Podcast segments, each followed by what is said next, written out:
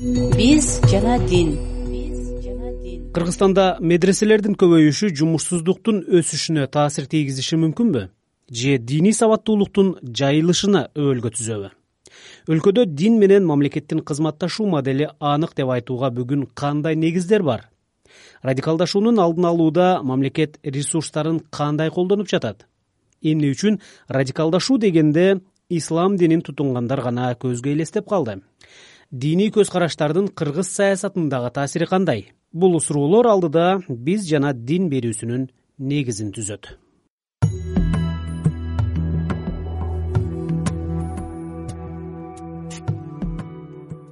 Уктуруунун башында диний радикализм деген терминге түшүндүрмө берекет эле.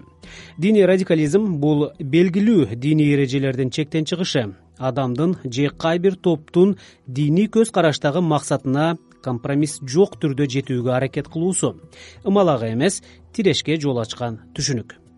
Киши радикализмдин таасирине сугарылып калганын өзү да байкабайт.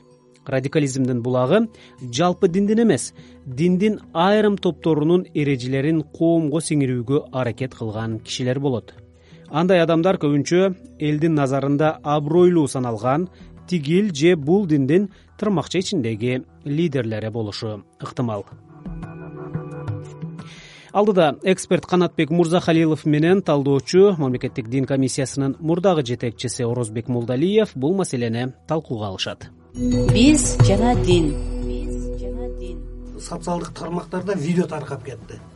Пакистанда ушул таблих жамааттын кыймылынын мүчөлөрү эки тарап болуп бири бирине таш атышып атат да. Бул ошол мынабул биздики эле деле таш атканга сөз менен атышып бирин бири жаманатты кылып атышпайбы таш атканга аз калды биздики биздин муфтияттагылардын баары эле билимдүү эмес. Диплому жок аалымдар бар ректор болуп жүргөн.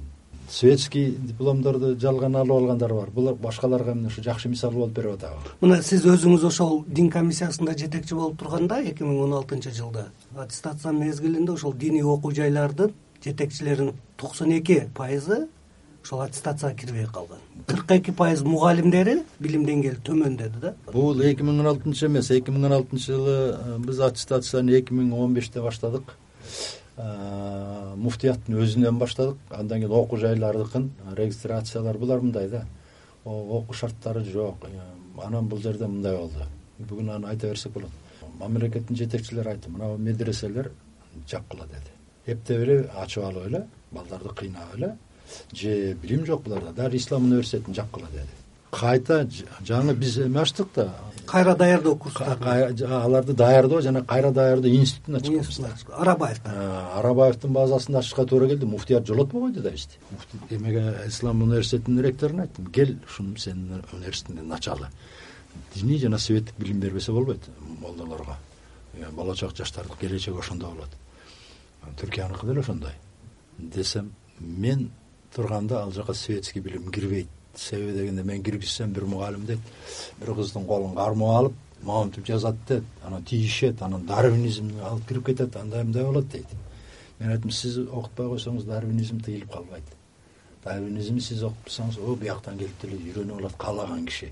Андан көрө ошол жерден билимди берип дарвинизмди разоблачать этпейсиңерби мына бул жерде туура эмес деп куранга таянып туруп. Десем болбойт анан кийин биз бөлөк ачышка туура келди да. Анан жапкыла дегенде мен айттым ал жерде окуп аткан студенттер бар. Андан көрө мындай кылалы эмесин токтотолу кабыл алганды.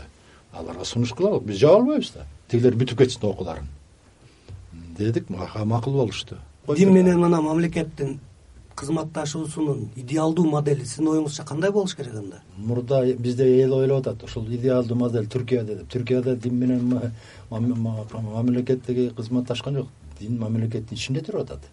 Түркиянын диянет мамлекеттин бөлүгү мамлекеттен акча алат айлык алат алар. Жана совет министри бекитет тиги премьер министр дайындайт диянеттин жетекчисин. Бул кызматташ болгондо мындай дин менен кызматташуунун концепциясын иштеп чыгыш керек ушул ситуацияга карап туруп. Андан кийин ошол концепция менен иштеш керек мамлекет.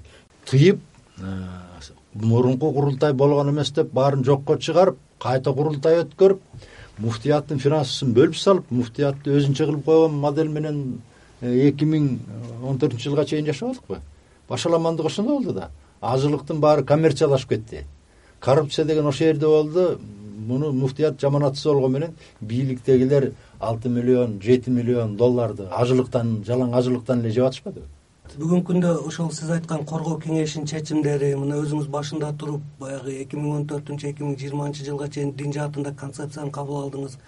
Көп эле жумуштар аткарылбай калды да мына биздин талдоолор көрсөткөндөй ошо жетимиштен ашуун концепциянын иш чараларында бир отуз пайыз гана отузга жакын гана иш чаралар мындай динамикалуу түрдө ишке ашып мына өзүңүз сөз кылган баягы имамдарды кайра даярдоо курстары теологиялык колледждин иштери дагы мындай көзгө көрүнөрлүк эмес да. Теологиялык бул кагазда эле калып калдыбы теологиялык колледж иштеп атат биринчи выпуску болду. Эмне үчүн теологический колледж ачканыбыздын себеби медреселерди жапкыла дегенде мен айттым. Медреселерди жаппайбыз. Медреселерди бул диний светтик билимди окутканды булар билбейт. Ошонун моделин түзөлү кыргызстанга ылайыктап туруп деп колледж араң ачтык анын ичинде бирок ошондо ошо атамбаев кийлигишип атып жардам берди. Ошонун көрсөтмөсү менен ачылды. Пилотный проект деп. Пилотный проектти алдык ошонун негизинде медреселердин баары ошол стандарт менен иштеш керек кыргызстанга бир жети облустка жети эле медресе момундай жетет айланайын ашып кетсе жетимишинин жүзүнүн кереги жок. Муну бул мындай бир бизнес кылып алышкан. Спонсорлор келет бир аз тыйынтып бир берип коет. Балдардын окуткан сапаты начар билимдери начар анан ошол жана сиз айткан радикалдашуу ошондон келип чыгат. Же динди жакшы билбейт же светский билим баягы тогузунчу класстын деңгээли менен калып калган анан дагы кыйынчылыгы мындай болуп атпайбы медреселерди бүтүп алат. Колуна бир э, кагаз берип коет медресе бүттү деген диплом майли аттестаттап коелук аны менен баары имамдыкка келип өтө албайт да анча имамдын кереги жок. Анан кийин тиги светский билимге барайын десе тогузунчу класс билим менен училищега гана алат. Э, профтех училище ага деле баргылары келбей анан безработица болуп атпайбы анан жана сиз айткан экстремизм ошондон келип чыгып атпайбы радикалдашуу коомго керексиз адамдарды даярдап салып атпайбы медреселер? Невостребованный анча анча имам жок кереги жок болсо. Ал үмүт менен окуп атса бүтсөм мен бир келечекте муфтий болом деп билими начар болуп эч жака жарабай атса. Анан ал нааразылык келип чыгат андан. Ал жаш бала эмнени билет бул?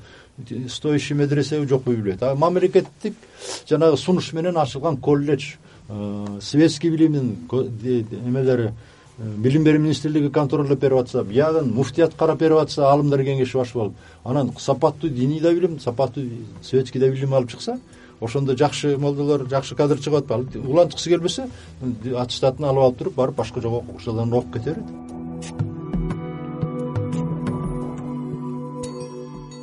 радикализмдин жайылышына коомдогу социалдык теңсиздик диний сабатсыздык жана мамлекетте так диний саясаттын жоктугу негиз болот. Эксперттердин эсебинде өлкөдө радикализмдин экстремизмдин жана терроризмдин пайдубалынын түптөлүшүнө өкмөттүн дин багытындагы чар жайыт саясаты негизги курал болот сиз азаттык радиосунда биз жана дин берүүсүн тыңдап жатасыз. Эксперт канатбек мурзахалилов менен талдоочу мамлекеттик дин комиссиясынын мурдагы жетекчиси орозбек молдалиев кыргызстандагы диний кырдаалды радикализмдин булактарын талкууга алууда биз жана дин. Биз жана дин коргоо кеңешинин чечимдери аркылуу концепцияны иштеп чыгып бул модельди түзүп берди да ооба. дин менен мамлекеттин иштөө моделин түздү бирок акыркы жылдарда булардын аракети кичине солгундап калгандай сезилип атат эми сиз сылык айтып атасыз. эми ошол ошол нерселер кагаз түрүндө эле калып калбадыбы бүгүн? Ал мындай болду. Концепцияны ишке ашыруунун планы кабыл алынган өкмөт бекитип берген. Биз мыйзамдан баштайлы да. Концепция концепция менен. Билесиз эки миң сегизинчи жылы мыйзам. ошол менен эле иштеп атпайлыбы? Э, азыр уже э, жыйырма биринчи кылымга өтүп кеттик. Ситуация такыр өзгөрдү дүйнө жүзүндө. А бул э, жаңы мыйзам уже мен барда эле даяр болгон. Анан кийин э, диний билим берүү боюнча мыйзамды сунуш кылып аттык элек аны бириктиргиле дептир. Э, диний билим берүү мыйзам менен ошол жанагы э, кайта дин жана дин эркиндиги боюнча мыйзам экөө бир мыйзам болуп пункт болуп кириптир ал. Анын негизин жөн эле концепция кылып жазып коюшуптур диний билим берүүнүн концепциясы деп. Кагазда эле калып калып атпайбы. Идеялар жакшы идеялар турмушка ашпай калып атат ал үчүн манагы мамлекеттен кандай жардам керек деп атасыз? Мамлекет финансировать этиш керек ошону. Келечекти финансировать этпесеңиз биз диний билим берүүнү жолго койбосок дин жагын тартипке салбасак сирияга куралчандарды даярдап коебуз ошол жактын эмесин угуп калат. А биздин мазхаб эң мыкты мазхаб мына ханафи мазхабын киргизелик ушул жолго багыштайлы деген идея абдан сонун болгондон бул. Эми ушуну ишке ашырганын үстүнөн иштеш керек. Мына сиз сирия маселесин жакшы козгоп кеттиңиз да мына өзүңүзгө белгилүү расмий маалыматтар боюнча эле сирия менен ирактын аймагында байырлаган ислам мамлекети террордук уюмдун катарына кыргызстандан сегиз жүз элүүдөн ашуун. Эми ал болжол менен. Болжол менен э. барса жүз элүүдөн ашуун адам ошол жерде каза болду деп айтышып атат да. Ошол жерде мына радикалдашуунун алдын алууда мамлекет өзүнүн ресурстарын толук түрдө бүгүнкү күндө колдонуп атабы бул маселени талкуулаганда жогорку кеңеш ошко барып выездной заседание өткөрдү. Анда коопсуздук кеңеш жок эле бизде коргоо кеңеши болчу алар барды депутаттар комитет обороны безопасности ошол жерде күч органдардын прокуратуранын кызматкерлери тайсалдап эмне үчүн бизден сирияга кетип башташкан кези эле да. Кетип атышат. Эки миң он төртүнчү жылы башталды ислам мамлекети. пик э. пик дегенде ошого жакшы айтып айта албай атышат анан мен айттым силер эмне тайсалдап атасыңар? Мына радикализмдин жана башка баягы терс чакырыктарга да биздин муфтият имамдар туруштук бере алабы бүгүнкү күндө. Бере албайт. Эмнеге? Мен айтып коеюн сизге. Саясатчылар өзү диндин принциптерин жакшы билбей эле саясий очко кийинки шайлоого алыш үчүн өздөрү ушуну динди саясатташтырып атышат эки ай алдым мен деп жарыялап анан кийин бир топ чечкиндүү кадам кылалы деди эле ал киши айтпадыбы? Могулардын баарынын далайына никени мен кыйдым эле деди эле жогорку кеңеш унчукпай калбадыбы? Э, двойной мораль биздин чиновниктердин көбүндө. Анан ошолор тиги молдолор менен э, салыштырып аларга молдолор өзүнүн ишин жасап атат. Алардын максаты ошол. Шарияттын жолу менен башкарсак шарият мамлекет түзсөк деп көпчүлүгү. Баягы сиз эсиңиздеби э, эки миңинчи жылдардын башында опрос жүргүзгөндө түштүктөн. Жалал абадтан бир эме айтып атпайбы имам катиптердин бири эми халифат курулуп калса жаман болмок беле дейт. Биз алардан үмүт өтүп атабыз. Эй ал деген болбогон идеология э, мусулман светтик мамлекетте деле кандай мамлекетте жашай берет ханафи мазхабында андай сөзсүз мамлекеттин башында диний кызмат турсун деген жок бул жерде дегенди айтып атсак атиги туруп алып ушинтип атпайбы. Эгерде ушул сиз айткан тенденциялар мындан ары ушул темпте улана берсе мамлекет үчүн имамдар үчүн же болбосо мына динятчылар үчүн кандай пайдасы же зыяны бар? Светтик мамлекеттин принциби бузулуп атат. Бул биринчи улуттук коопсуздукка коркунуч ушул жерде болот. Себеби дегенде дин саясатташкан жерде сөзсүз конфликт чыгат а дегенде кызыкчылыктардын конфликти чыгат анан серьезный конфликттер чыгат андан чоң конфликттер келип чыгат.